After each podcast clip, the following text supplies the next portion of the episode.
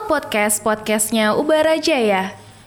Oke, eh, kita masuk di part 4 nih Pak. Ya. Kira-kira dari Bapak ada nggak tips dan eh, tips and trick yang dibagikan buat para mahasiswa teknik industri apa yang perlu disiapkan sebelum bergabung dan sesudah bergabung gitu Pak?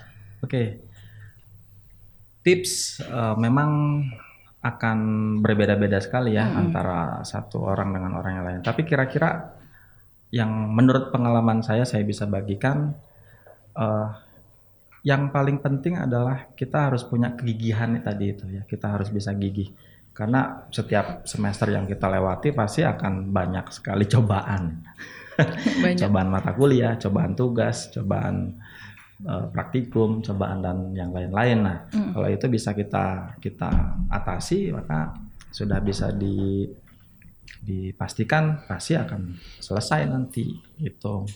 Terus kalau tentang akademiknya, terus diasah kemampuan-kemampuan eksaknya karena di teknik industri itu pasti banyak sekali mata kuliah yang hubungannya dengan eksak, matematika, statistika, Iya. fisika, ya itu nanti diaplikasikan ke mata kuliah-mata kuliah yang lain. Semakin tinggi semesternya, maka Iya. tingkat eksaknya itu semakin Wah. lebih menantang. Hmm, tapi buat teman-teman jangan khawatir juga meskipun ada yang tadi Bapak sebutin, Mm-mm. tapi kita bakal belajar banyak hal juga, Betul. bakal diajarin dari awal sampai kita bisa ya, Pak. Betul. Betul. Kira-kira keseruan apa aja sih, Pak, yang teman-teman bakal dapetin setelah bergabung di teknik industri ini? Waduh, banyak banget. Ah, banyak. Jika lihat dari mata kuliah-mata kuliah yang ada, mungkin juga banyak dari adik-adik nih yang baru denger nih, itu teknik industri apa ya? Kok ada satu bidang teknik baru yang namanya teknik industri? Selama ini kan kita kenal tek teknik tuh mesin, mesin. teknik tentang ilmu-ilmu alam, fisika, ya, Iya. teknik eh, arsitektur, sipil, tapi industri nih apa nih ya gitu. Iya. Justru itu jadi menariknya. Ya kita bisa belajar banyak hal baru Mm-mm. eh, dari ilmu-ilmu yang sudah kita pelajari di tingkat dasar SD, SMP, SMA, terus ke kuliah itu itu kepake semua. Wah. Itu kepake semua di di kuliah nanti. Itu itu jadi hal yang menarik sekali kita pernah belajar di SMA dan bisa di diaplikasikan di kuliah gitu. Oh iya. Terus ada lagi tentang selain mata kuliah itu kan ada tugas-tugas dan praktikum ya. Waduh, Nah, udah mau bahas serius ini, Pak. Oke, nih. dibahas. Kebetulan juga di industri itu praktikumnya lumayan bukan lumayan lagi ya. Kayaknya semua banyak. Iya, semua prodi banyak, Pak. Banyak. Banyak. Kurang lebih sekitar ada 13 sampai 14 praktikum. Eh, banyak, bener banyak, Pak. Iya, 13 sampai 14 praktikum tuh harus dilewati semua. Wow. Serunya adalah karena kita juga memaksa mahasiswa itu untuk bisa kolaborasi. Jadi praktikum ini dilaksanakan secara berkelompok. Oh, Nah, berkelompok. Iya, mahasiswa ini dipaksa untuk bisa kerjasama dengan temannya. Justru ini jadi baik.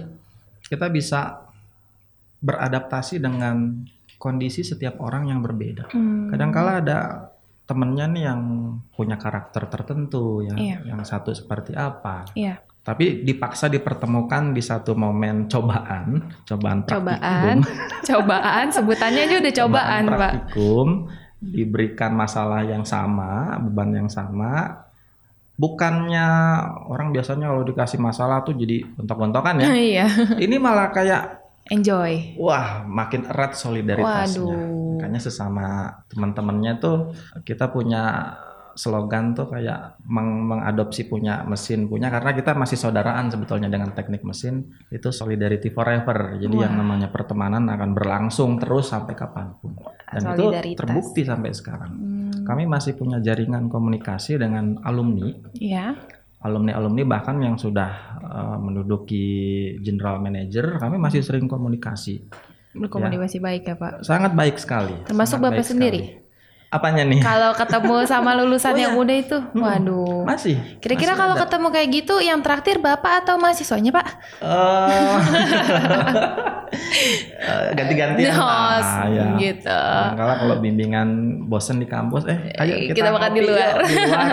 Gantian ya, kan saya. Timbal balik ya pak. iya betul. Eh, kalau bapak di jalan gitu ketemu mahasiswanya masih dikenalin atau ada mahasiswa yang pura-pura buang muka pak? Masih. Oh masih dikenalin bersyukur ya pak. Iya. Masih. Karena memang di khususnya kalau saya merasakan di kampus ya, Mm-mm. saya tuh senang bergaul dengan mahasiswa. Ah. Kadang-kala juga suka ngajakin untuk sekedar, yuk ngopi bareng yuk. Nah ini ya ngopi bareng di mana aja lah mau mulai dari pinggir jalan yang diseduh sampai ke yang mungkin kalau agak-agak mahal ya coffee nanti shop ya pak, Ya. dari Starling ke coffee shop. ya bisa atau yang lain-lain ya itu nanti Starling Starbucks keliling pak. oh pakai sepeda iya, ya Iya pakai sepeda itu namanya Starling pak. Iya. Kalau misalnya teman-teman nih pen- penasaran sama Pak Yuri ini mau ketemunya di mana, kira-kira bapak nanti ketemu di mata kuliah khusus apa gitu pak? oke saya kebetulan mengampu mata kuliah yang memang sudah spesifik ke penjurusan program studi Hmm. jadi mata kuliahnya ada di semester 6 dan 5, 6 dan 7 Wah udah semester semester akhir semester pak. akhir ya 5 6 7 itu memang semester paling besar sekali pencobaannya. Iya betul. Termasuk dicobai oleh saya. Saya juga salah satu yang mencobai mereka itu untuk Hmm, bisa tadi itu ya survive menghadapi mata kuliah mata kuliah dan tugas praktikum Hmm. itu. Karena bapak eh, mengampu mata kuliah semester akhir, berarti bapak melihat mahasiswa-mahasiswa yang mukanya udah mulai menyerah gitu ya pak? banyak sekali. Banyak, kadang-kala ya itu dia.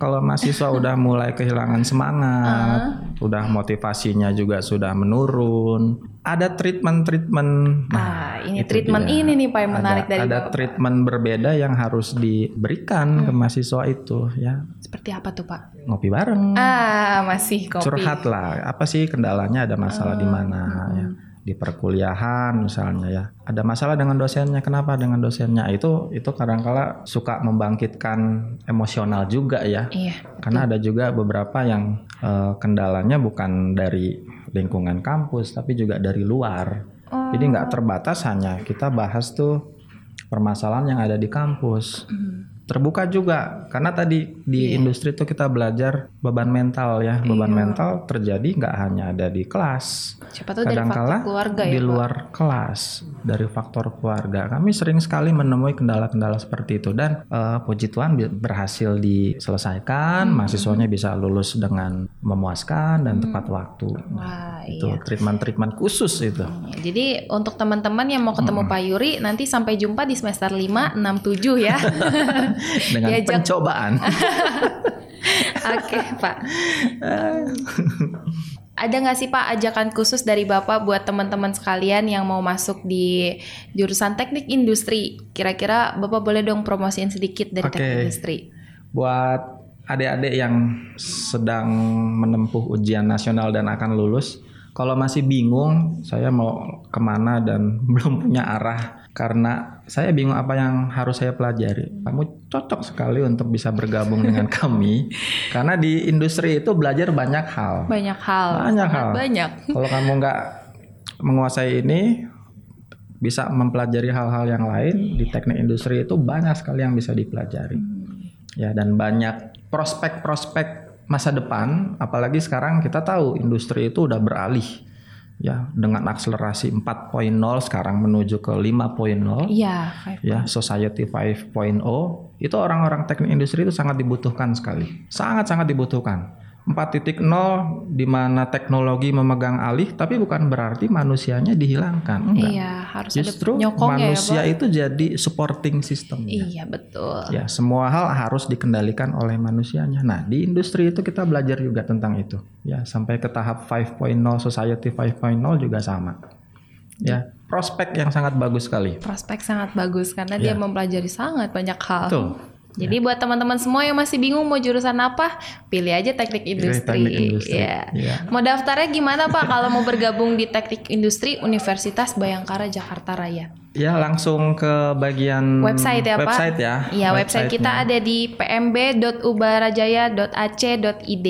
Mm-mm. Mungkin yang dari kalau di SMA-nya sekarang ini kan nggak tertutup hanya di penjurusan IPA ya. Iya. Bahkan IPS pun sekarang udah masuk ke boleh daftar ke teknik industri. Ah iya, saya menarik nih dari bapak. Kan kalau misalnya untuk bergabung di teknik industri ini ada nggak sih misalnya khusus eh, SMA terus IPA gitu, IPS-nya nggak boleh masuk gitu, bener nggak sih pak? Nggak ada, nggak ada. ada ya? Sekarang udah enggak. Karena ya di industri kan kita belajar ilmu sosial juga Hmm, tentang psikologi, psikologi industri kita pelajari, sosiologi pun kita pelajari di situ.